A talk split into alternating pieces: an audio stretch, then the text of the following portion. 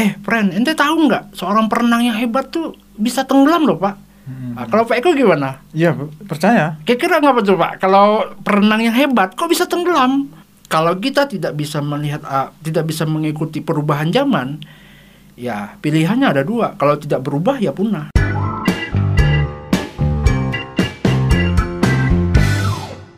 Bang Mardiansah ya. siap pak Nggak nggak ada tit- titel-titelnya apa? jadi kalau titelnya nih agak panjang pak Nah. AMD, SPD, MPD pak Wah, banyak juga rupanya. banyak ya. juga pak Aku pikir apa tuh? Nggak ada Mardiansah orang awak gitu ya. Ya. yang aslinya AMD, Oh, gitu. D3, yang SPD sama MPD itu sarjana pondok digital sama Oh, wah. magister pondok digital. Oh, iya, iya. Jadi, itu itu juga saya terkejut tuh, Pak. Ah. Ini nih sebenarnya Bang Yani harus kita buat tambah gelarnya nih misalnya Iya, nih iya. SPD MPD. Apa tuh saya bilang? "Eh, ini sarjana pondok digital sama magister Oh. pondok digital. saya Iya. pun ada ada ya. Iya, iya. Bang Mardiansah ini kan Nah, eh, ketua HIPMI ya. Iya, Ketua HIPMI Sintang. HIPMI itu himpunan pemuda. pengusaha muda, himpunan pengusaha Ya. muda Indonesia. Pok- Pokoknya orang muda lah ya. Siap. Sama dengan saya lah masih Iya. muda ya. Milenial. ya. Milenial.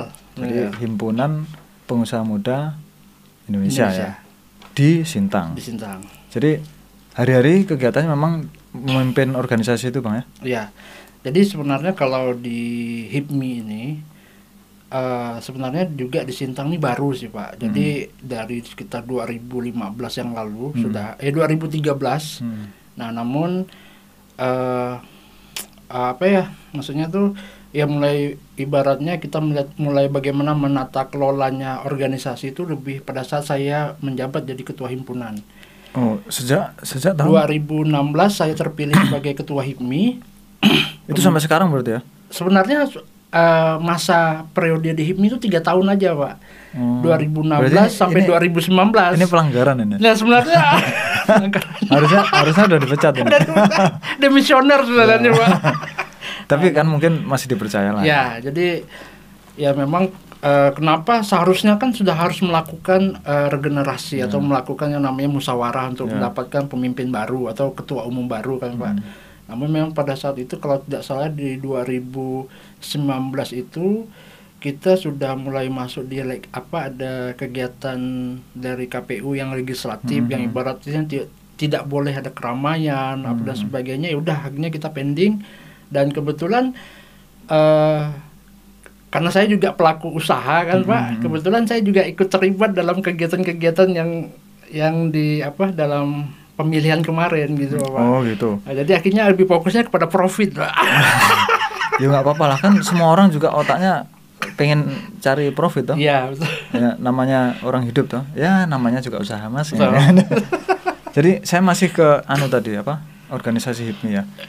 Jadi yang seharusnya tiga tahun Iya. ini bahkan sudah lewat hampir dua tahun Empat tahun lebih lah ya. Iya empat tahun lebih hampir hampir ya hampir lima tahun lah Hampir ya. lima tahun, 2021 ini Iya. kan.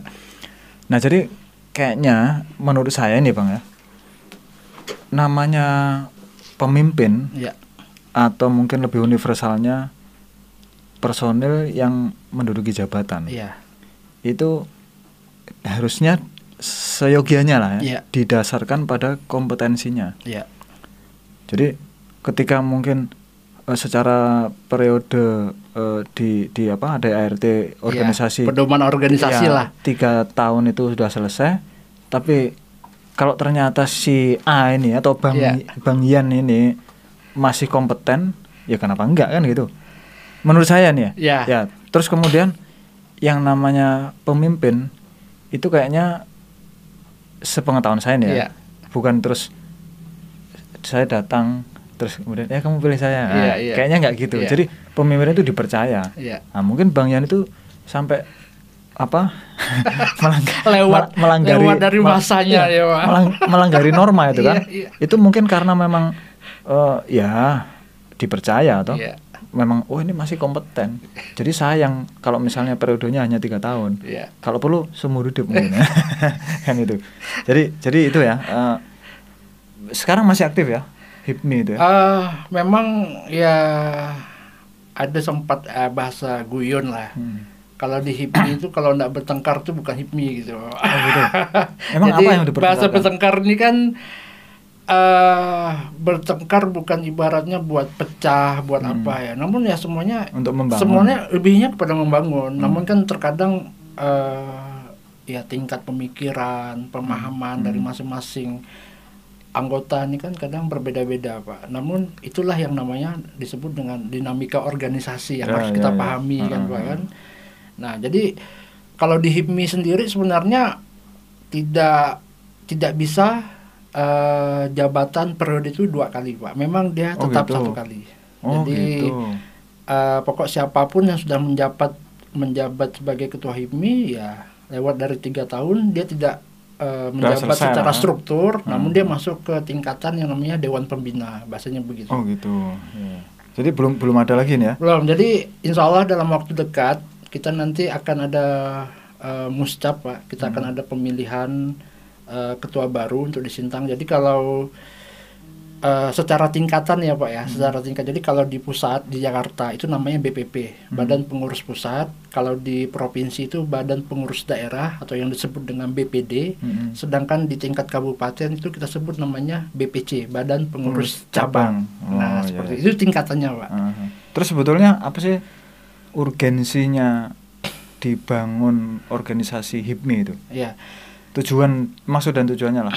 Jadi HIPMI ini saya waktu saya zaman-zaman saya kuliah dulu ya, Pak, di Hmm. di di luar kota Sintang ini, Apa kuliahnya dulu apa? saya di Teknik Sipil, Pak. Oh, teknik sipil. di Teknik Sipil. Jadi saya sering mendengar nama ini. Namun ya mungkin karena saya tidak berteman dan tidak berkumpul dengan orang-orang yang yang di organisasi HIPMI, ya saya pun akhirnya eh, ya lewat Mm-mm. akan peluang itu untuk bisa bersama. Jadi setelah saya kembali ke Sintang, barulah saya mulai dikenalkan HIPMI. Oh Hmm. ini ini rasanya pada saat saya zamannya saya kuliah, zamannya waktu saya sekolah, saya sering nih mendengar HIPMI. Hmm. HIPMI ini bagi saya kok keren, himpunan pengusaha muda gitu, Pak. Eh, jadi- Keren jadi gitu. khusus orang yang muda lah. Iya. ya. jadi selama selama masih di organisasi itu ya orang-orang muda lah. Ya, Ya, jadi HIPMI itu ada ada ada ini Pak, ada uh, uh, rank umur gitu. Jadi siapa yang bisa masuk di anggota HIPMI ini di di usia 18 sampai 40 tahun. Hmm. Lalu bagaimana Waduh, Pak aku- kalau aku misalnya kita di atas 40 tahun sebenarnya eh, di angka 18 sampai 40 tahun ini artinya mereka ini orang yang Produktif. punya kesempatan misalnya mereka masuk ke dalam struktur organisasi. Mm-mm. Namun kalau mereka di atas 40 tahun kita tetap welcome. Oh. Tetap welcome artinya dia bisa masuk sebagai anggota, dia bisa juga bisa berkumpul, dia bisa ikut kegiatan-kegiatan HIPMI. Ya iba- ibaratnya eh, HIPMI ini terbuka buat buat siapa saja gitu, Hmm. Pak. Jadi Berarti aku masih terbuka lah. Oh, Tadi aku udah, udah udah apa? udah waduh udah udah kecewa aja. Udah Aku- kecewa aku- dulu ya, aku Pak. nggak masuk nih 18 sampai 40 ini. Enggak, aku nggak masuknya tuh bukan lebih 40 tapi kurang dari 17. Iya. Ma- malahan kemarin gini pak sempat eh, sempat ada pro dan kontra pada saat di munas itu kan Eh, HIPMI tidak boleh ASN Oh gitu. nah jadi sempat itu sempat terjadi pro kontra jadi akhirnya eh, dalam perjalanan munas itu ya ya yang namanya orang mau usaha ini kan siapa saja. Hmm. kita tidak bisa membatasi orang walaupun dia ASN dia bekerja di kantor mana secara sebagai karyawan atau sebagai apa dan sebagainya namun dia juga masih ingin punya jiwa usaha masih ada jiwa entrepreneur. Iya, iya. mengapa harus kita batasi gitu kan? Nah, terus makanya, keputusannya? makanya waktu salah satunya di Bali itu eh, ketua HIPMI-nya malahan dokter pak Hmm, kan artinya itu artinya eh, kita ya udah yang nama orang mau usaha ya apalagi kalau dalam konteks eh ya dalam agama kita nih ya Pak Ya, Islam ini ya. kan ibaratnya 10 pintu rezeki ini kan dari berniaga Pak jadi Ya, ya. kenapa kita tidak ya artinya semua orang bebas dong untuk Ya. untuk memilih gitu Hmm. Pak walaupun dia secara punya pekerjaan tetap tapi jiwa entrepreneur saya ini ada loh kayak gitu kan Ya, ya jangankan berniaga ya. Orang yang korupsi aja boleh-boleh aja ya kan. Masa yang berniaga malah nggak boleh Iya, ya kan? itu yang halal insya Allah Pak. Ya kan? ya itu. Nah, jadi eh, saya juga pengen me- apa namanya mengabarkan Ya. Bang Yan ya bahwa kita ngobrol-ngobrol ini Ya. orientasinya saya pengen menghadirkan kebermanfaatan lah Ya. ya jadi saya pengen apalah dari dari seorang Bang Yan ini kemudian bisa me- apa ya memberikan sesuatu yang kemudian bisa dipedomani eh, di eh, ya dipedomani oleh orang banyak terutama di masa pandemi ini Pak Ya. kan pelaku usaha khususnya ya pelaku Ya. usaha itu betul-betul ter apa ya Sangat terpukul, ya Terpukul. dengan dengan adanya pandemi ini. terasa dengan efeknya luar biasa, Pak. Sampai begini bang, saya pernah dengar di Sintang ini ya ada anak kecil itu umur 12 lah katakanlah Hmm. gitu ya, karena kelas 6 SD dia. Iya. Itu sebelum pandemi dia menjual kerupuk opak. Iya. Nah, yang membuat yang membuat kerupuk opak itu bapaknya. Iya. Nah, maka anaknya yang menjajakan. Hmm. Dia bersama adiknya Hmm. berkeliling gitu. Nah, segitu pandemi, bayangkan itu satu keluarga itu bergantung pada itu usaha jualan kerupuk Iya. apa itu. Rumahnya pun ngontrak Iya. ya. Nah, eh, setelah pandemi si anak kecil ini tadi Hmm. itu nggak boleh jualan gitu. Karena apa? Dikhawatirkan dia menularkan atau ya menularkan Iya, virus kan iya. corona ke mana-mana. Iya. sampai begitu jadi dari mulai yang eh, usaha kecil sampai yang ya sampai tingkat atas lah Iya, ya betul. itu memang terpukul semua Sangat, Pak. jadi Sangat. Bang Mardiansah Bang Yan sebagai apa ketua HIPMI kemudian juga ini ya apa pelaku namanya, usaha pelaku, juga, Pak. pelaku usaha Iya. usaha pun yang kreatif ya Iya, iya. kreatifnya tuh bagaimana itu Jadi begini, atau eh, eh, satu-satu dulu aja lah. Tadi aku tanya di masa pandemi ini bagaimana kira-kira Iya. Eh, eh, apa namanya katakan mungkin memberikan trik-trik kepada pelaku-pelaku Iya. usaha di Sintang lah khususnya ya gitu. Jadi eh, mungkin eh, saya sedikit cerita dulu nih pak. Mhm. Jadi ceritanya gini, eh memang kalau berbicara akan HIPMI ini pak, Mhm. berbicara akan HIPMI kan eh sebenarnya saya sudah lama. Jadi saya itu punya eh, saya punya usaha itu saya buka di 2010 pak. 2010. 2010. Nah, Itu sendirian ya? sendirian Hmm. sendirian 2010 saya bergerak di bidang percetakan Hmm. Nah, di bidang percetakan yang digital nah jadi kayak cetak spanduk Ya, kartu ya. nama undangan dan sebagainya kan nah saya kenal HIPMI itu itu sekitar empat tahun yang lalu pak artinya setelah saya eh, 2014 saya kenal HIPMI Terus langsung ditunjuk jadi ketua. Ah belum pak, Oh, belum. Jadi waktu itu ada kegiatan juga. Yaudah bang Yan kita sama-sama yuk kita bangun HIPMI di Sintang. Saya bilang ayo. Saya malah berpikir begini. eh sebenarnya saya merasa pak. Saya saya sampai berpikirnya begini. Saya sebenarnya tanpa HIPMI bisa kok pak. Toh saya juga udah jalan Hmm. saya sudah punya mitra-mitra baik Hmm. yang secara personal maupun uh, ibaratnya kantor-kantor saya sudah punya kok namun saya berpikir saya berpikirnya saya butuh yang namanya uh, percepatan Hmm. saya butuh yang namanya daya ungkit nah jadi dan salah satunya saya butuh networking pak ya mungkin saya hari ini saya punya ibaratnya saya punya mobil Ya. ya pada saat itu Ya. misalnya pak ya namun teman saya yang di HIPMI ini punya pesawat, Pak. Jadi kalau ibaratnya karena kita berteman dalam Ya. satu organisasi, "Eh, Bang Yan mau ke mana? Kita mau acara HIPMI ini. Eh udah sama-sama. Hmm. Yang harusnya saya perginya pakai mobil karena kita Bisa. satu Ah, ah. satu apa satu, Satu, organisasi, udah kita pakai pesawat. Ya jadi itu yang saya anggap kita butuh percepatan Hmm. kita butuh percepatan. Ya, jadi kan bahasanya ada cerita ini yang pernah mengatakan pernah nggak dengar ada seekor semut dalam satu hari bisa tembus di beberapa negara. Ini kan sempat terpikir, loh kok bisa? Kita sudah tahu nih karakter semut yang Ah, kecil, ya. kena injak aja mati. Ah, kecepatan apa jalannya sepe- segitu. Iya, tapi ya tahu kan. Tapi kok bisa dalam satu hari bisa di tiga negara? Eh ternyata apa rahasianya? numpang numpang di pesawat. kan Ya, ya. artinya kita butuh kendaraan Ah, gitu ah, Bapak. ah, Kita butuh ah. kendaraan. Nah, itu yang membuat saya saya kenapa harus bergabung. Oh, jadi itulah urgensinya ya Nah, sebetulnya. karena- itu ya.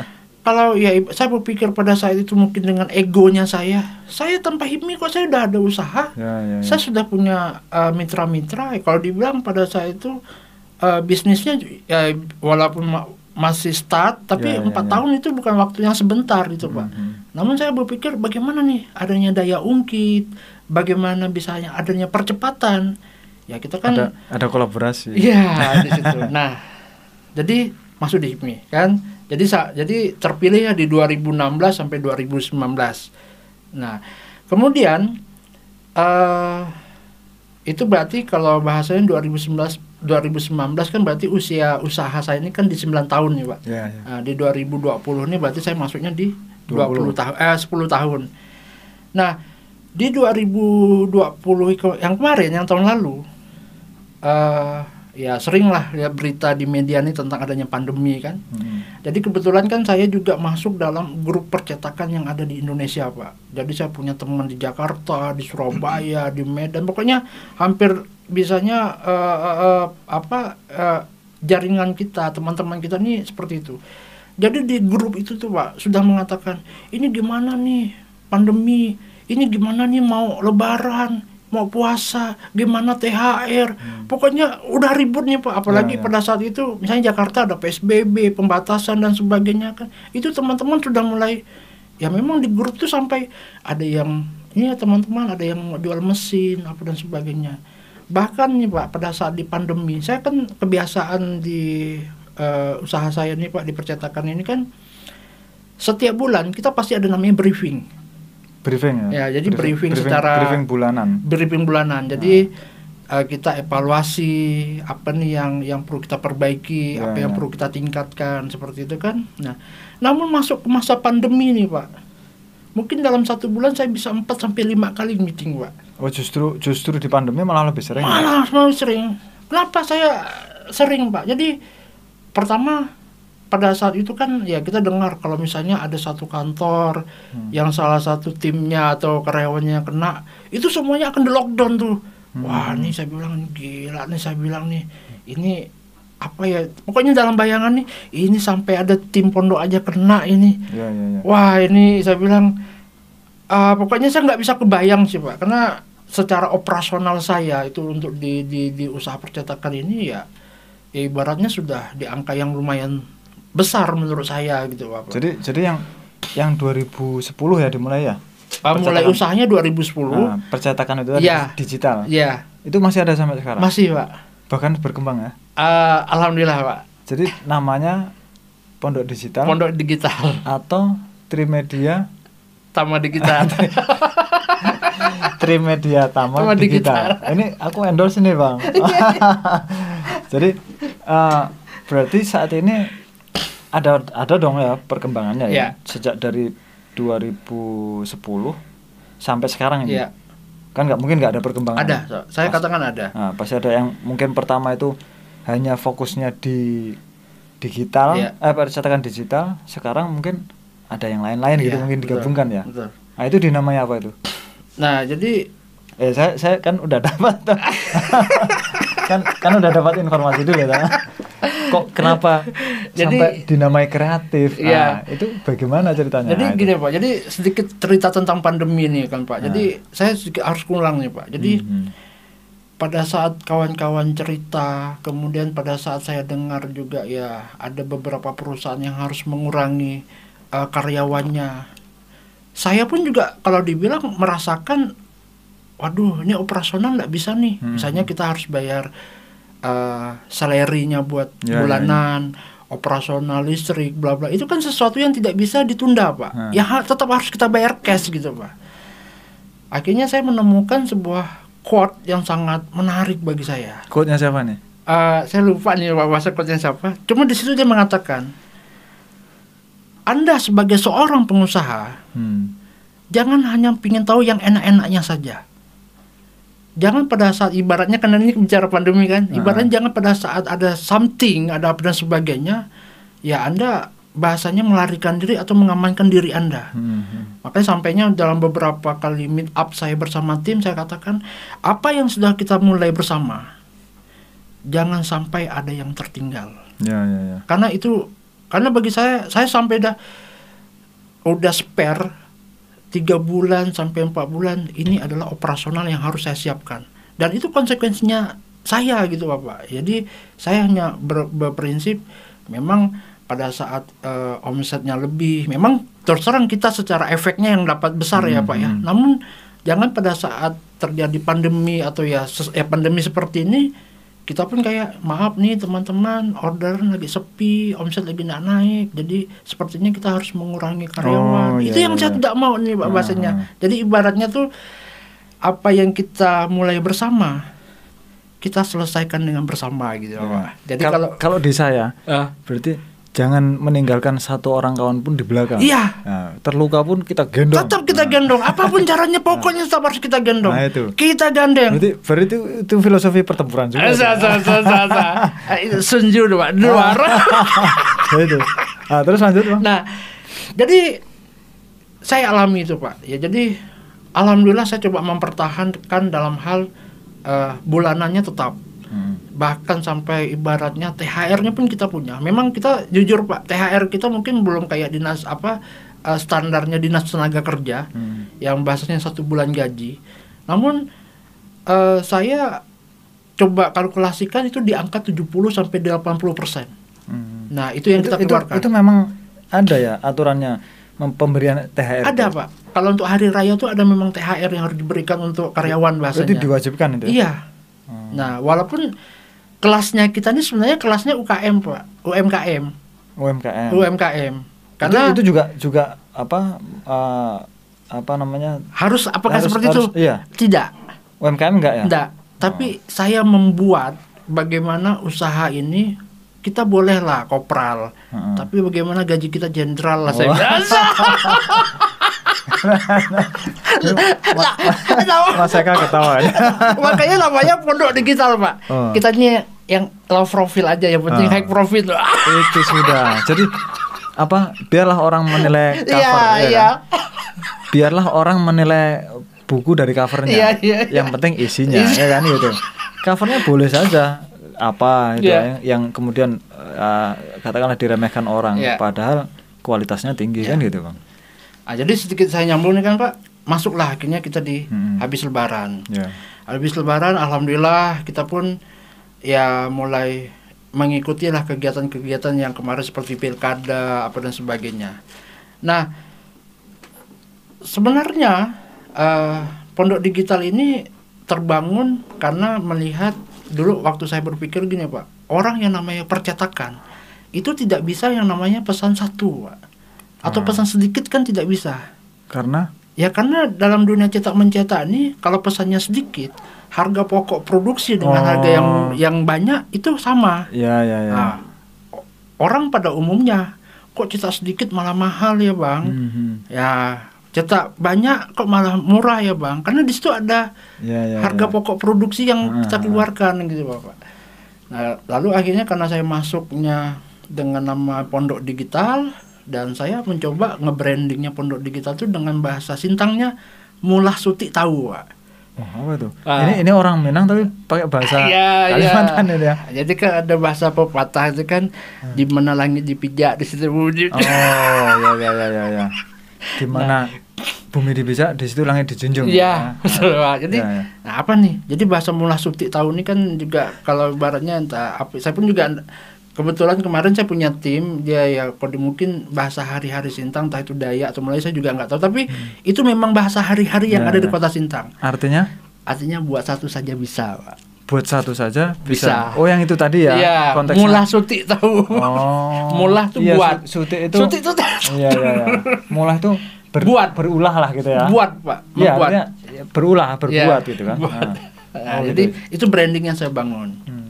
Nah, namun seiring perjalanannya eh, di 2019 itu ya saya kan bersama eh, jadi saya ini punya tim timnya Pondok Digital, Hmm. punya juga tim eksternal. Hmm. Nah, jadi tim eksternal ini lebih bersifatnya eh, saya berkumpul dengan beberapa teman-teman yang mempunyai skill yang berbeda-beda. Jadi pada saat itu Oh itulah, itulah kemudian dinamai kreatif itu itu. Ya, itu cikal bakal sebenarnya dengan adanya Trimedia Tama Digital tuh, Pak. Oh, awalnya Pondok Digital. Awalnya Pondok Digital. Sekarang sudah dinamai Trimedia Tama. Nah, jadi Pondok Digital dia tetap eksis atau tetap dengan jalurnya di bidang pergerakan eh, dunia cetak mencetak. Hmm. Kalau Trimedia Tama Digital ini kita brandingnya adalah tentang industri kreatif. Pak. Hmm. Nah, Makanya jadi- dinamai Tri itu mungkin ada tiga ya? ada tiga. Apa saja tuh? Nah, jadi eh, awalnya ada saya, ada teman saya namanya Randy. Eh, Randy ini dia skillnya di bidang fotografi, sinema fotografi, pokoknya ya wedding juga dia bisa. Kemudian ada teman saya namanya Reza, dia punya basicnya adalah event organizer, pak. Ya, ya, ya. Nah, saya basic saya orang desain grafis. Oh. Nah, jadi jadi waktu itu gini, pak. Oh, jadi tiga itu tiga orang. Tiga orang, makanya Trimedia Tama. Namun seiring perjalanan, seiring perjalanan, eh sebenarnya five gitu, pak. Hmm. Nah, tapi karena nama itu sudah disahkan secara eh, apa Kemenkumham, ya Trimedia Tama. Namun di dalamnya kita sudah ada lima orang, pak. Oh. Nah, lima orang ini ada satu orang teman kita yang bergeraknya di bidang special design dan satunya ini teman kita yang bergeraknya memang eh, eh, tim kreatif eh, tim kreatif yang di mana dulunya eh, teman kita ini di Jawa ini pernah menjadi salah satu eh, apa pernah bekerja di salah satu TV swasta Ya, ya, ya. ya dan dia posisinya di tim kreatif gitu pak Nah, terus kalau eh, apa namanya?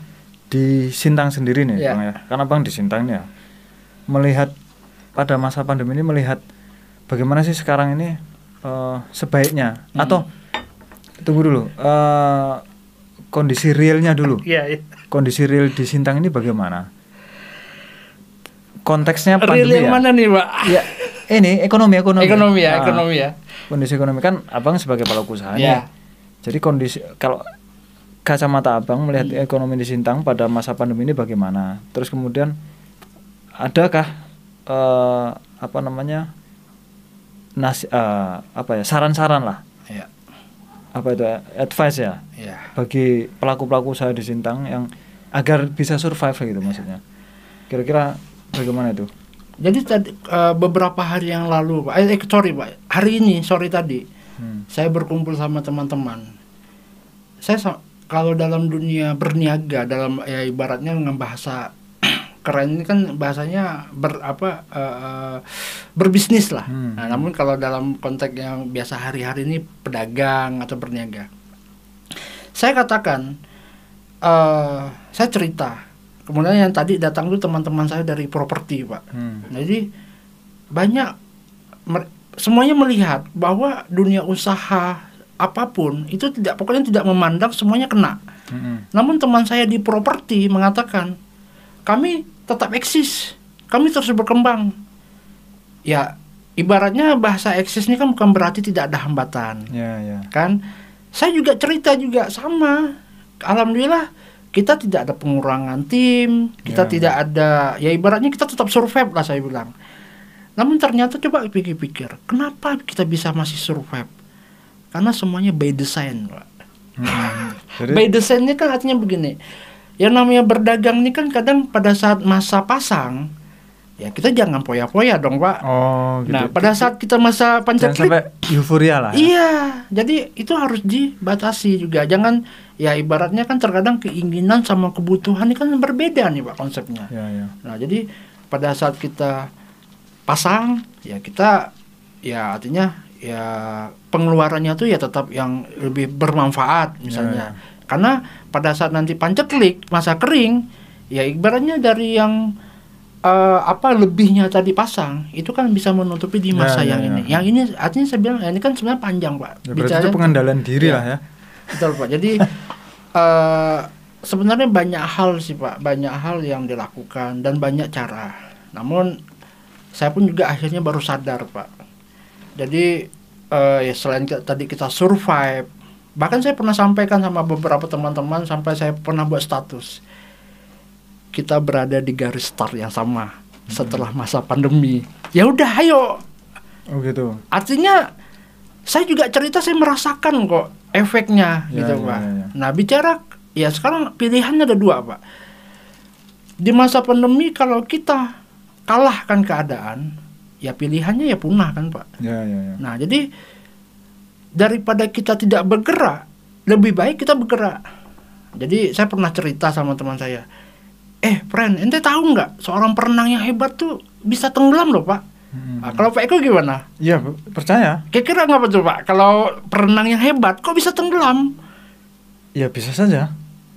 Kalau kalau versi saya nih ya, Ya, kacamata gimana versi saya. Bapak? Jadi perenang yang hebat itu bisa tenggelam kalau ketemu dengan orang yang tidak bisa berenang. Oke. Nah, jadi orang yang tidak, bisa berenang itu inginnya kan terapung. Ya, Iya. ini ada orang pandai berenang, ya di Iya, bawahnya. iya. Akhirnya dua-duanya sama tenggelam. Sama-sama tenggelam. Nah, itu itu pada Ya, perspektif saya ya. Tidak ada yang salah sih Pak di Ah, situ. ah. Namun eh, saya ceritanya kenapa seorang perenang yang hebat ini bisa tenggelam?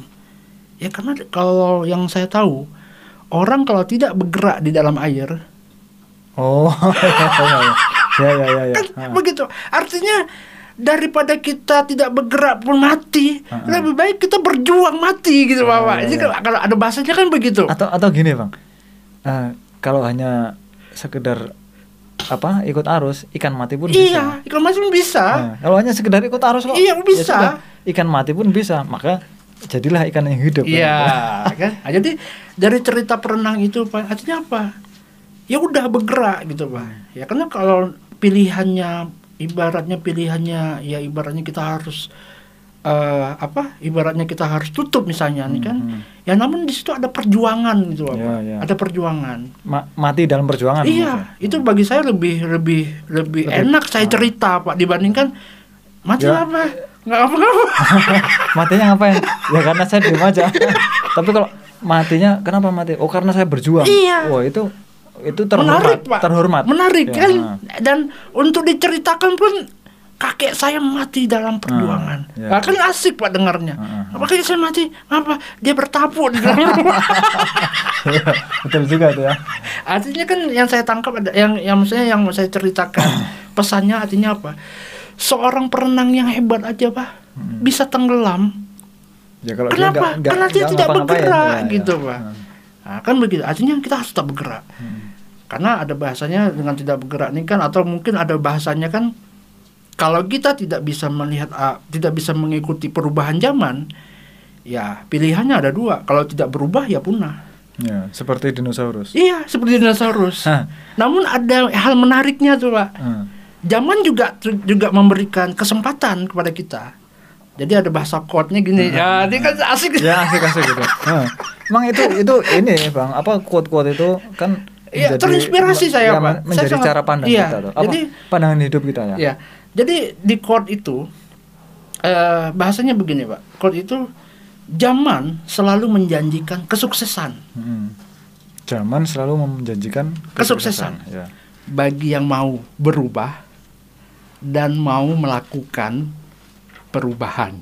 Hmm. Jadi ada bahasanya mau dan melakukan. Ya ya ya. Jadi ya, ya, yang pertama memang harus mau Harus dulu. mau ya. dulu, bukan bicara bisa dulu, pak. Nah, mau dulu baru nanti melakukan perubahan. Iya. Ya, ya betul betul. Nah, jadi itu sebenarnya yang yang ibaratnya di di pandemi ya pilihannya itu begitu ya, Pak. Oh, jadi jadi, tetap ini, kita harus bergerak. Ah, ah, ini saran bagi kita semuanya lah Iya. ya. Pada masa pandemi pun jangan menyerah, jangan menjadi ikan mati. Nggak bisa, Pak. Jadi eh, mempunyailah kehendak untuk melakukan perubahan kan. Iya. Setelah itu lakukan perubahan Iya. itu kan gitu. Dan ada saya dapat kata yang menarik lagi nih, Pak. Hmm. Jadi eh, dunia di lockdown semua. Hmm. Dunia ini kan kena lockdown semua nih, Pak pada saat itu. Namun sebenarnya pintu langit lagi terbuka. Oh itu. Dunia di lockdown, pintu langit terbuka. Iya. Untuk itu mari kita membangun networking bersama yang di atas. Oh, gitu. Artinya saya kadang bicara sama saya pribadi sama keluarga saya, istri saya lah biasanya kan yang biasa sering ya kita sharing. Bahkan saya bicara sama tim. Kita bukan karena kita yang hebat, Hmm. bukan karena tim yang hebat. Tapi di sini ada campur tangan Tuhan. Oh. Nah, jadi iya, iya, iya. jangan lupa Tuhan juga. Ya. Yalah kalau kalau kita orang yang ya beriman Apa, ya ya, bahasanya beriman, beragama kita Hmm. artinya buk, jangan jangan merasa kita paling hebat. Ya, itu itu kan takutnya ada kesombongan. ya gitu, Pak. artinya gini kalau saya saya ya selama ini yang saya pedomani ya bahwa ya kita ikhtiar dulu kan Iya. bermohon pertolongan Iya. berdoa kemudian terakhir eh ya ikhtiar berdoa ya tawakal terakhir Iya. kan? Itu yang penting kita sudah maksimum berjuang terus be- berdoa juga iya nah terakhir kita serahkan pada Tuhan Maha Kuasa kan gitu Betul, itu adalah eh, eh, hasil akhirat atau itulah Ya. selemah-lemahnya kita kan Hmm. Pak. Kita sudah serahkannya eh, sama yang di atas karena yang yang penting jangan kita tidak eh, tidak tidak tidak ada actionnya gitu Ya, Pak. ya, ya. Nah, jadi itu yang pertama pada saat dalam kondisi pandemi kemarin tuh Pak. Jadi saya bilang kita tetap harus eksis. Ya memang sempat sempat juga sih Pak kata orang gimana ya ngadapi ini, gimana eh, solusinya karena kalau berbicara secara efeknya bukan cuma di saya kok, Ya, ya. semuanya juga merasakan gitu. Ya, semuanya. Namun di satu sisi kita punya eh, apa punya tanggung jawab akan tim, akan operasional usaha, apa dan sebagainya. Tapi kalau di HIPMI sendiri ada nggak kira-kira formulasi khusus pada masa pandemi ini? Hmm. misalnya?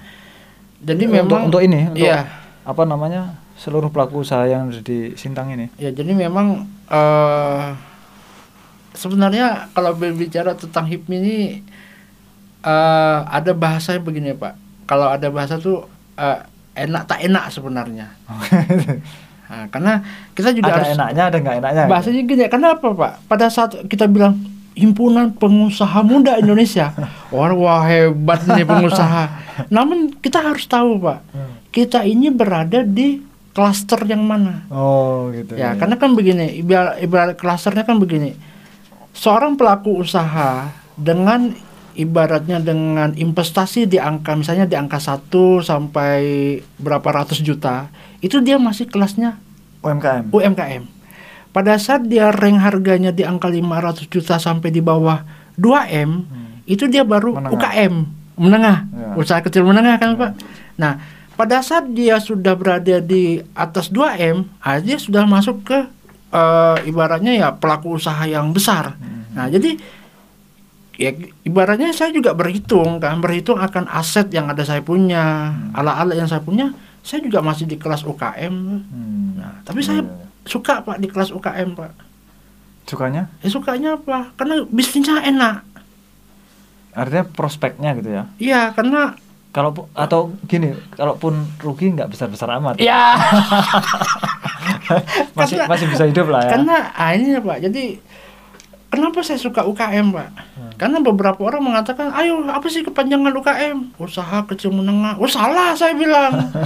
kenapa salah? Ya dong, salah dong. Cara pandang kita berbeda, makanya hasilnya berbeda. Iya, iya. ah, lalu gimana Bang Ian? Saya katakan UKM tuh usaha kaya miliaran. Iya, iya. Bukan kecil menengah ya. Cuma kayak miliaran. Kaya miliaran. Iya, iya, iya. Ya, ini kan walaupun itu hanya sekedar bercanda, namun berbeda gitu Bapak. Berbedanya begini. Misalnya eh mau maaf nih, Bapak nih misalnya eh, sama tim atau apa kan atau melihat ada tiga anak muda. Ditanya nih anak muda pertama, "Hai, Nak, apa yang kamu kerjakan dengan batu bata?" "Ah, saya cuma lagi buat eh, kolam ikan."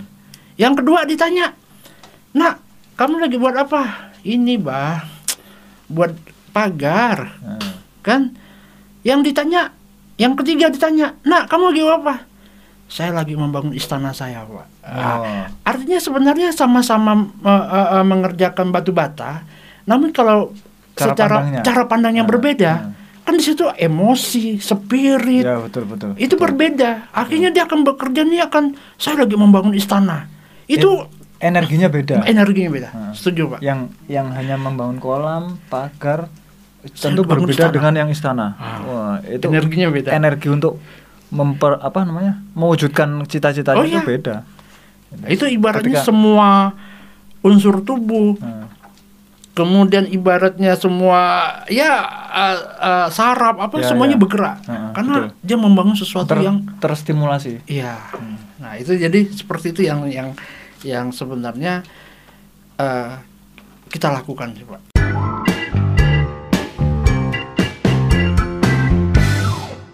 Banyak sih teman-teman, apa sih ekonomi kreatif gitu Pak. Saya katakan sebenarnya ekonomi kreatif itu bukan menciptakan barang baru atau bukan menemukan barang baru, namun sebenarnya ekonomi kreatif itu adalah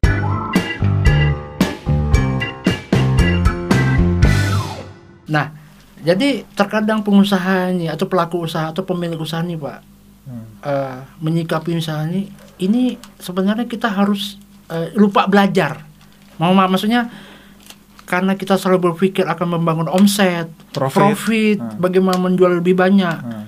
Namun si si ownernya ini atau si pelaku usahanya ini, pemilik usahanya ini, dia sendiri pun lupa akan belajar. Kenapa saya katakan kenapa kita harus masih belajar? Hmm.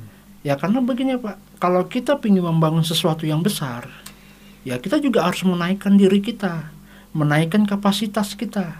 Jadi ada sebuah quote lagi ini Pak, the great leader is the reader, Reader. reader, Oh, pembaca ya. pembaca. Jadi salah satunya itu ya seorang pemimpin yang besar, ya salah satunya harus membaca. Ya, ya, ya. Nah, karena mengapa kita harus membaca? Karena kita harus apa? Kita juga ibaratnya pengalaman kan memang guru terbaik tuh ya, pak. ya. Namun pengalaman orang lain itu adalah guru yang paling baik gitu pak. Ya masa mau belajar kita harus jatuh ke jurang kalau kita udah diberitahu. Oh, gitu. Nanti kalau Jadi ke sana pelajarannya dari orang lain iya, aja. gitu. ngapain kita harus juga jatuh ke jurang? Ya, Kan artinya, begitu. artinya sebisa mungkin pelajarannya dari orang lain iya, aja. kita perlu belajar gitu Bapak. Jadi ini yang terkadang eh, makanya eh, ada beberapa pelaku usaha tuh yang dia sama berpikirnya ah, sering posting apa namun eh, mungkin kurang secara pembelajaran dalam diri. Jadi Ya. kalau lebih saya ceritanya itu eh kita perlu yang namanya investasi leher atas, Pak. Investasi leher atas. Wah, apalagi Ya. nih? Investasi, Investasi leher atas. Ya. Emang ada leher bawah? Jadi gimana itu, Bang? Jadi gini Pak, jadi ibaratnya kan begini. Eh, mungkin kalau di beberapa pelaku usaha ini kan melihat kalau investasi kan kita ada ada ada joinan, ada yang kita tanam, ya ibaratnya bisa menghasilkan lah. Hmm. Nah, namun itu mungkin secara jasmani. Ya. Namun secara rohani yang masuk ke tubuh kita, Mm-mm. ini kan yang harus sebenarnya kita bangun, Pak. Jadi investasi leher atas ini kan kalau itu mungkin itu filosofi atau bagaimana itu? memang ada, Pak. Filosofi? Ah? Eh, filosofi, Ya, filosofi investasi lah. selera atas. Jadi begini, misalnya eh, yang paling sederhana nih ya Pak, kalau kita lapar, ya kita makan, Heeh. kita haus kita minum, kalau kita ngantuk ya tidur. Itu yang bagian bawah mungkin. Ya, misalnya itu kan yang standar nih Pak. Heeh. Jadi kemudian misalnya saya misalnya bertemu teman saya, "Ah, Bang Yan, kita ada mau buka tanah nih di sini, kita ada orang, yuk investasi yuk. Oh Bang Yan, kita mau bangun usaha nih begini, Hmm. yuk investasi yuk. Nah, memang di situ kita mengeluarkan budgeting, Pak. Ya. Kan? Kita mengeluarkan budget. Namun untuk diri kita sendiri, kita aja yang ibaratnya mungkin bisa berbudget, bisa juga tidak. Ya. Ini tidak kita lakukan. Jadi investasi leher atas nih, Pak. Kita ibaratnya ini leher kita ke atas. Ya. Kita kadang suka lupa mengisi hal-hal baru, visi-visi baru, mimpi-mimpi baru. Yang akhirnya kita ndak ndak ndak ya mau maaf ya berputarnya cuma di situ-situ saja. Ya, Karena mungkin berarti sama dengan yang tadi mungkin ya, yang orientasinya hanya profit itu tadi. iya, Tidak kemudian bagaimana menaikkan apa namanya diri kita itu Iya. ya, se- setara dengan apa yang sudah kita hasilkan. toh. iya. Jadi profit yang sudah kita, hasil- kita hasilkan itu harus diimbangi dengan bagaimana kapasitas kita. kan? Iya. Contoh sederhana nih Pak. Terkadang ada orang yang ingin produk usahanya laku banyak nih Pak. Mm-mm. Namun dia hanya berpikirnya bagaimana ju- jual produknya banyak. Ibaratnya kalau bakso nih kan. Ya, Oh kalau aku har malam hari ini jualnya sampai 100 mangkok ya. dengan harga sekian. Oh ini untungnya. Namun sebenarnya bukan berbicara produknya. Hmm. Namun sebenarnya yang mau kita jual itu adalah value-nya. Kenapa orang harus makan bakso? Kualitas lah. Iya. Jadi jadi sebetulnya kalau menurut saya nih ya, semua orang semua perihal itu di, di apa ya? Orientasinya adalah kualitas. Iya, jadi ibaratnya tuh dikrit pak. Jadi kalau sedikit cerita tentang ekonomi kreatif nih pak. Hmm, hmm. Jadi kan sama teman-teman ini kan yang kalau tadi saya berbicara tentang usaha di pondok digital percetakan itu adalah usaha pribadi. Ya. Kalau di Trimedia Taman ini kan usahanya kolaborasi. Pak. Oh ya. Nah, Ko- jadi- collaborate for the best itu. ya? Collaborate for the best. nah, jadi eh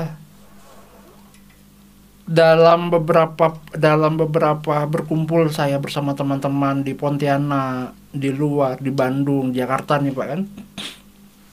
Saya dikenalkan dengan namanya eh, ekonomi kreatif. Nah, jadi saya pun dengan bersama-sama teman pelaku-pelaku usaha ini berkumpul lah kan. Hmm. Nah, banyak sih teman-teman apa sih ekonomi kreatif gitu Pak. Saya katakan sebenarnya ekonomi kreatif itu bukan menciptakan barang baru atau bukan menemukan barang baru, namun sebenarnya ekonomi kreatif itu adalah barang yang sudah ada Hmm. itu di-create. Oh, the create. Ya. Ya, kreatif kan create. Iya, di-create Hmm. untuk punya nilai. Contoh sederhana, Atau menaikkan nilainya lah. ya? Iya, menaikkan nilai. Misalnya contoh sederhana nih Pak, orang menjual goreng pisang, dijual goreng, mungkin harganya seribu. Heeh. Namun pada saat goreng pisang itu dikasih toppingnya keju, toppingnya selai serikaya, itu mungkin bisa di angka 8 ribu Pak. Ya, ya, ya. Bahkan lebih. Mungkin Bahkan lebih. Ada 20 ribu. Apalagi kalau dia punya packagingnya bagus Pak. Iya. Ah, kan, nah, itu sebenarnya yang harus. Jadi ken- kenapa sih, eh, bicara ekonomi kreatif itu sesuatu yang sebenarnya inilah saatnya. Kenapa? Karena pada saat di tahun berapa orang akan berfokusnya pada sumber daya alam, Sumber daya alam. kan? Salah satunya migas yang terus dikeruk apa dan sebagainya. Dan barang itu kan habis pak. Ya, Nah tidak terbarui. tidak terbarui. Kemudian eh, terbangun yang namanya eh, sumber daya manusia sampai ada bahasanya kan eh, zamannya zamannya milenial apa dan sebagainya kan. Dan zamannya sekarang itu adalah zamannya ekonomi kreatif, Pak. Jadi sebenarnya sederhana, Pak. Jadi kan ada beberapa beberapa barang yang biasa, namun karena dia di-create, karena dibeli nilai ya, value, Mhm. akhirnya dia menjadi sesuatu yang berharga. Nah, kemudian dalam perjalanan ini kan ada beberapa teman-teman yang misalnya di bidang wedding organizer. Mhm. Bang, saya nggak bisa dong masuk di ekonomi kreatif. Ya memang waktu itu pada saat beberapa tahun yang lalu kan namanya ada di pemerintah itu kan Badan Ekonomi Kreatif. Sekarang kan Hmm, sudah hmm. tidak ada lagi Pak. Yang ada kan Memparekraf kan. Mhm. Nah kebetulan eh, beliau adalah salah satu ketua HIPMI pusat Bapak Oh, Sandiaga Uno itu. Oh, nah, iya, jadi iya, iya. ibaratnya abangda kita lah. Hmm. Nah kan begitu. Nah jadi eh saya pun kebingungan ekonomi karena waktu itu ekonomi kreatif da- dari Bekraf itu dari Badan Ekonomi Kreatif yang ada di Jakarta itu ada 16 so- 16 sektor. Ada kuliner, ada Oh, kriya. apa namanya? Ya, sudah ditentukan Iya, sektornya. sudah ya? ada sektornya. Hmm. Kan kami Bang di wedding organizer Tidak terwadahi di situ. tidak terwadahi kan bahasanya kan. Oh. Saya bilang saya pun sempat juga berpikir gimana cara jawabnya. Nah, jadi sekitar dua tahun yang lalu saya eh, bersama dinas pariwisata Hmm. pergi ke Ternate. Ternyata yang saya dapatkan lebih luar biasa pak. Yaitu kalau berbicara ekonomi kreatif itu berbicaranya tentang skala kecil. Namun yang Ekonomi kreatif itu itu skalanya kecil pak. Karena apa tadi? Bicaranya kurang lebih di 16 subsektor. Oh, gitu. ya. Namun kalau kita berbicara kota kreatif, kota kreatif. kota kreatif, Oh, iya iya, betul betul betul. Kota kreatif ya berarti lebih banyak. lebih banyak. kompleks. lah. Unsurnya juga banyak. Ya jadi, semuanya Jadi salah satunya begini pak. Sebenarnya Sintang bisa dibangun Sintang sebagai bisa, Pak. kota kreatif. karena untuk menjadi kota kreatif itu ada lima unsur pak. Yang kita sebut namanya A, B, C, G, M. A B C G M. Ya. A-nya di Sintang akademisi pak. Mm-mm. Banyak kampus di Sintang. Ya, ya betul. B-nya bisnis. Ya. Banyak kok pelaku-pelaku usaha. C-nya community, komunitas. Ya, ya. Komunitas juga banyak. Betul betul. G-nya government Ya. sebagai pembuat regulasi. Ya, heeh. dan M-nya adalah media.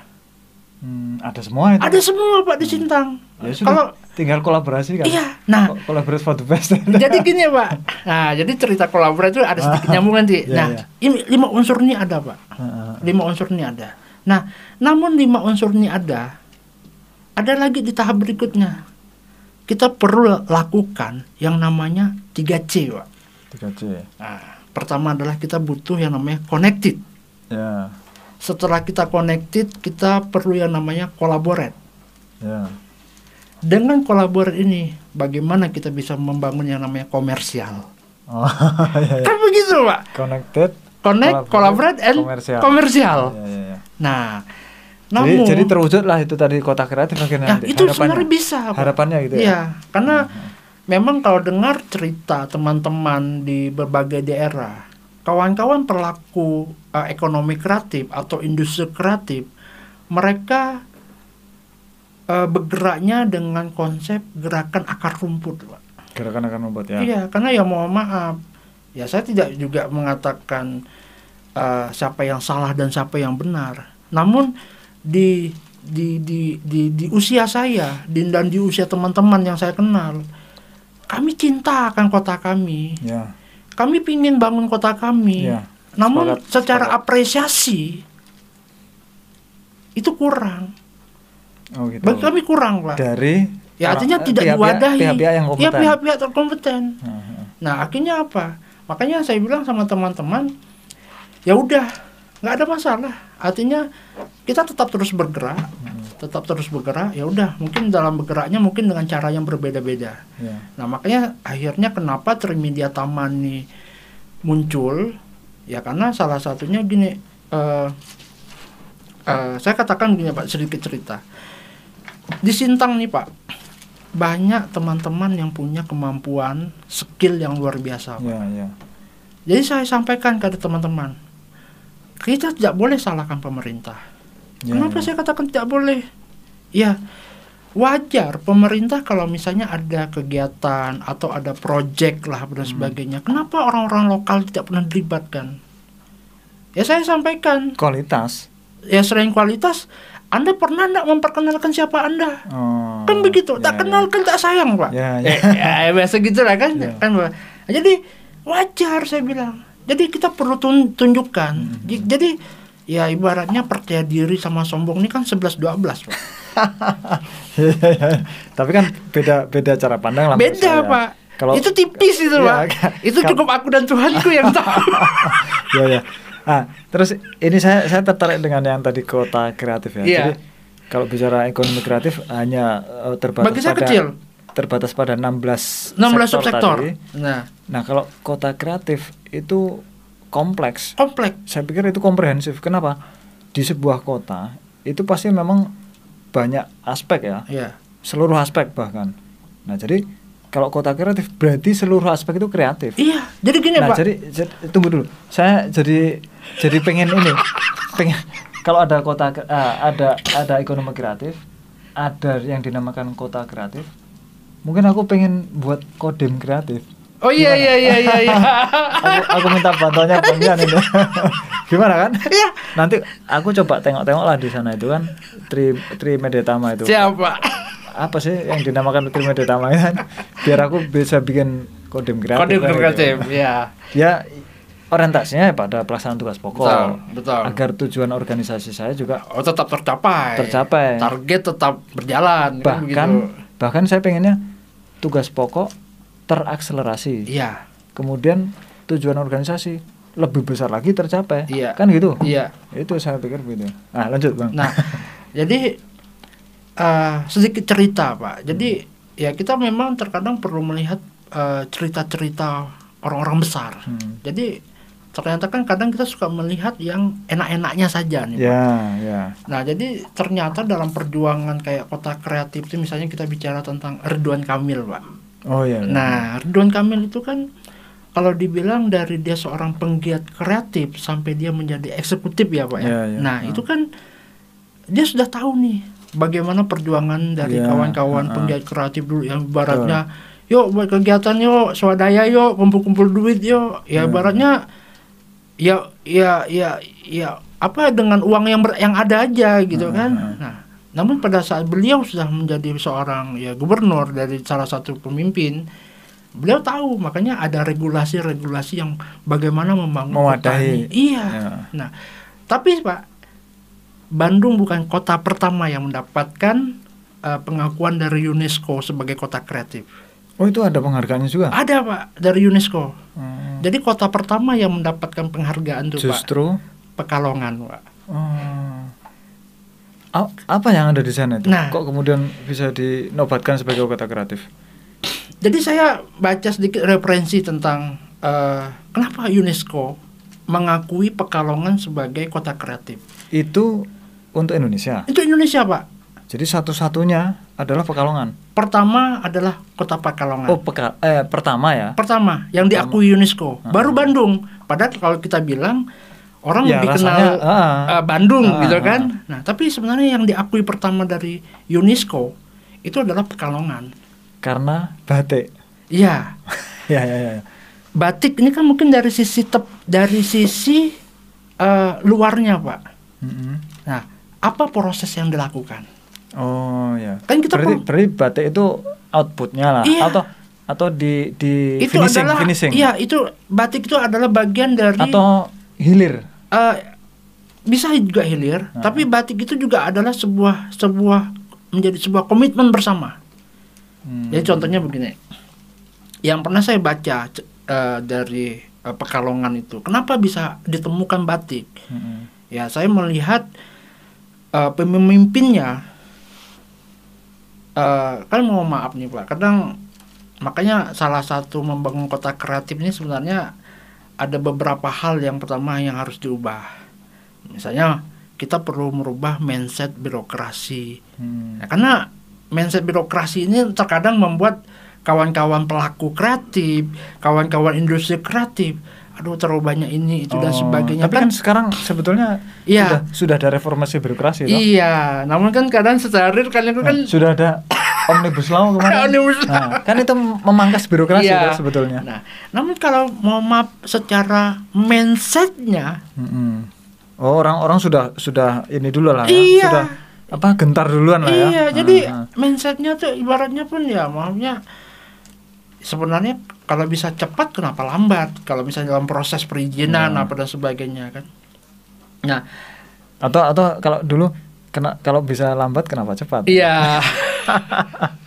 ya, lanjut lanjut Bang. nah, jadi saya ceritanya menariknya begini, Pak. Jadi eh, dengan saya yakin pemimpin-pemimpin kita visioner. Mm-mm. Namun ya bisa jadi ini kan terkadang eh, dengan visionernya seorang pemimpin ya terkadang tidak semua orang mampu untuk apa Mengikuti. sih eh, eh, eh, arahnya ke mana dan Oh. sebagainya kan. Nah, jadi yang saya dapat informasi eh, apa yang dilakukan dia melakukan yang namanya FGD pak fokus grup diskusi Iya. dia kumpul apa seorang pemimpin ini mengumpulkan eh, siapa sajalah baik dari pemerintahan ah, dari mungkin para pelaku bisnisnya Mhm. dari kawan-kawan komunitas kah yang tadi ABCGM tuh pak Ya, ini ya, salah ya. satu Ah, unsurnya ah. kan kan banyak juga nih penggiat-penggiat yang lain sebagainya ayo apa sih yang ada di kota kita kita bahasanya kita mapping lah Mm-mm. Ya betul. Ya. Me- memang kita apa namanya? Kalau melakukan suatu kegiatan harus main mapping. harus mapping Ya. pak nah, jadi mapping ini kan catatannya kecil Ya. seperti itu kan Pak. Itu itu saya yakin nih ya dengan itu ef- sangat efektif bang.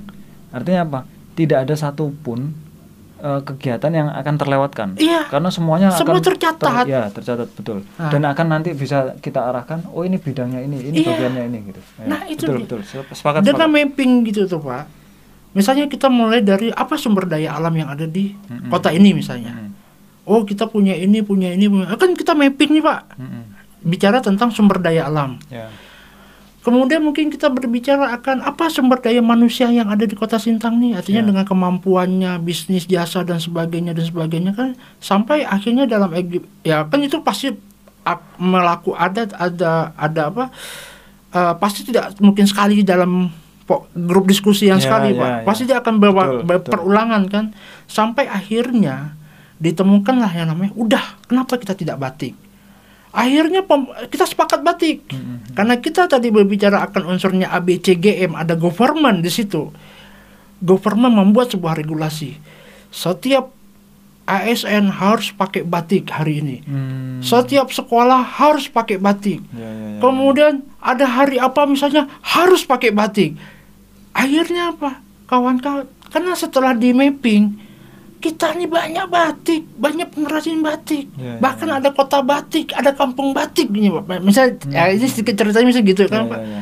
dan itulah yang didapat Jadi itu ya ceritanya di Pekalongan itu. iya akhirnya dibangun regulasi sama pemerintah Hmm. kan akhirnya dibangun regulasi akhirnya pengrajin jadi Ya, ya terwadahi. terwadahi Ah. artinya apa pokoknya pakai batik mau pesannya dengan siapa? Dan mohon maaf sesama pengrajin batik pun dituntut untuk tetap harus kreatif. Ya, ya. harus punya kenapa anda harus pakai batiknya saya? Value-nya apa? Nilai tambahnya apa? Ya, ya. artinya kita berjuang. Kita jelas nih pemerintah sudah membuka yang namanya kota ini kota batik. Hmm. Nah, makanya akhirnya eh ya s- para, para pengrajin berpikir ayo Sekreatif mungkin. bagaimana sekreatif motif Ah, ah. mau bagaimana membuat motif bagaimana membuat identitas Hmm, hmm. kan ini akhirnya dengan regulasi yang dikeluarkan dan itu berinfeknya kepada masyarakat sangat jelas Hmm, hmm. makanya akhirnya Pekalongan disebut dengan namanya kota batik Kot- Ya, ya, ya. Jadi kota pertama yang diakui kreatif ya diakui kreatif oleh UNESCO bahkan ya. Itu tahun berapa itu, Bang? Ah, tahunnya saya lupa Tapi ya sudahlah.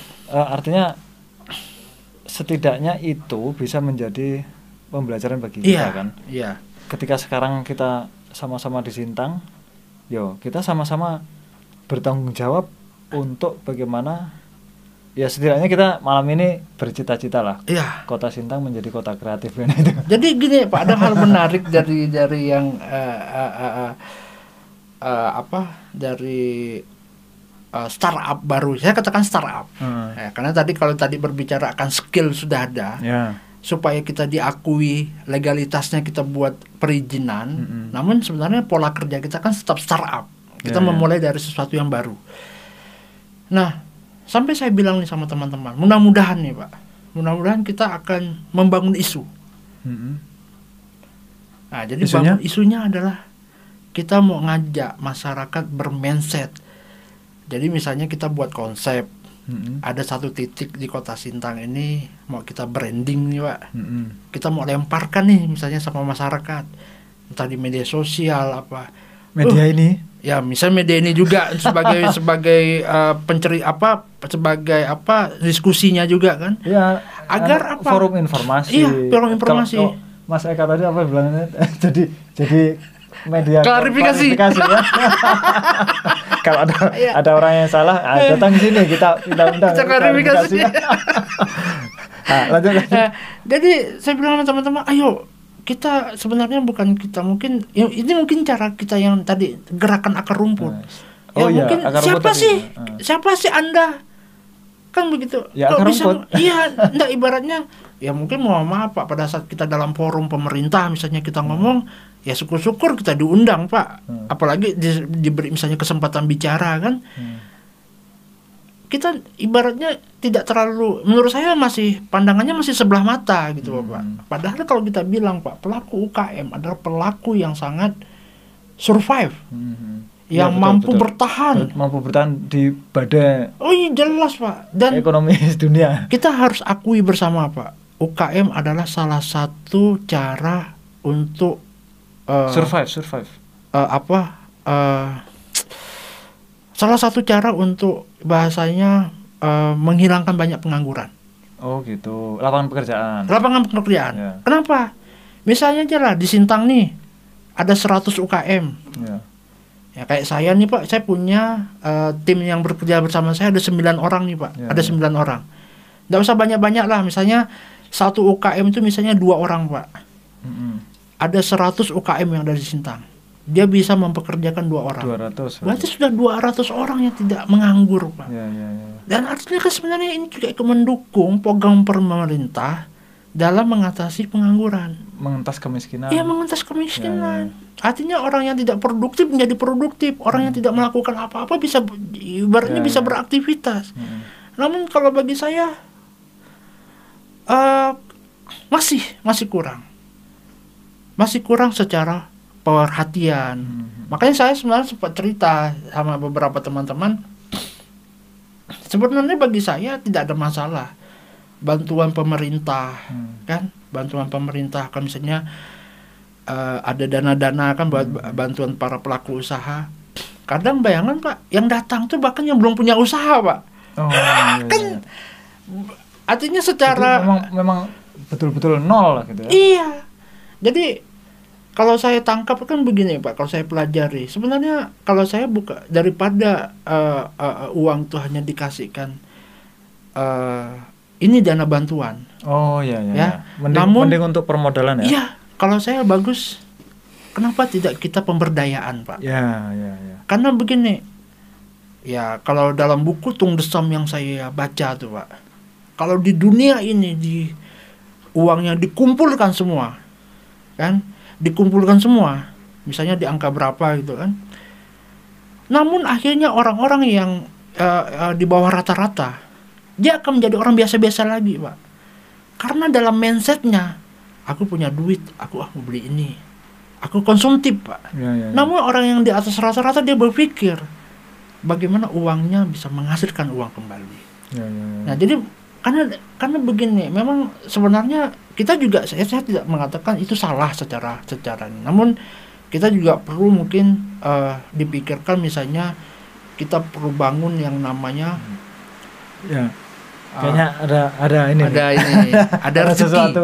ada rezeki yang datang nih pak ya mungkin mungkin kita apa apa bisa akhiri dengan ini ya.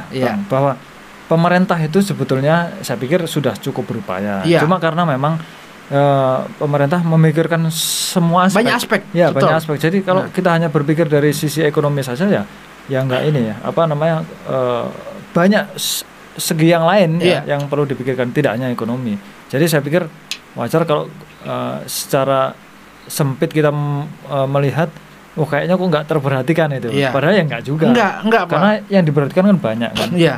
Makanya Jadi- dalam hal ini sebenarnya Pak, Hmm. kan kalau saya katakan saya tidak katakan secara pemerintah tidak perhatikan. N- namun inilah guna yang tadi kita berbicara akan menuju kota Ya, ya, kreatif ya, ya, ya. dengan lima unsur tadi. Kemudian eh, kita perlu lakukan yang namanya connect Hmm. dan collaborate. Ya. Artinya kita bagaimana bisa saling kolaborasi, Hmm. bagaimana kita ngebangun. Nah, kan ini harus kita kemudian nanti komersial ya Ya baru targetnya adalah komersial. Kita bisa jual Ya. ini Sintang. Apa Ya. sih yang ada di Sintang? Ya oke lah bang, mungkin nanti kita lanjutkan di Siap. lain kesempatan kan. Eh, saya pikir kita kali ini cukup dulu. Ya. Eh, intinya bahwa kita eh, akan berkolaborasi lah. Yang Iya. yang utama itu itu kolaborasi apa pun peran kita untuk bagaimana memajukan Sintang Iya. ya bersama-sama memajukan Iya. Sintang. Betul. Dan eh, saya pikir juga apa cara pandang kita bagaimana kita memanusiakan manusia Iya. ya Itu sesuai dengan penting gitu, ya, sesuai sesuai dengan eh, nama studio ini Iya ya iya iya. iya. humaniora Keren, BNN keren, studio keren. jadi jadi itu bang saya saya Dan kok- kenapa harus warnanya ungu ya Pak? ada itu ceritanya ceritanya panjang itu Ada request kayaknya. ya pokoknya saya suka warna ungu Iya, iya. Ya, karakter orang ungu itu penyuka ungu itu ya eh, mudah iba ya kan Wah, melankoli amazing, Ya, amazing. ah. nonton film India pun bisa menangis itu Iya, tapi tapi jangan salah menyukai kemewahan Ya. iya. kalau kalau di apa agama Nasrani itu kan warna ungu itu apa ya eh, eh, keagungan lah Keagungan, sebagainya. iya, Oke iya. terima kasih ya Terima Bang, kasih. Bang Yan. Eh, lain waktu kita bisa kerjasama bahkan saya mungkin bisa datang ke Ya, Trimedia Tama Kami tunggu ya Pak. Nah, agar nanti aku bisa jadi kodim kreatif ya. Iya, siap siap. Oke lah. Ini bi- eh, biasa saya akhiri dengan eh, yell itu ya. Oh, iya, Pak. closing yell. Jadi let's keep humanize human with humanity. Humaniora. Oh, sorry. Salah ya? Salah ya. ulangi ulangi. let's keep humanize human with humanity. Humaniora.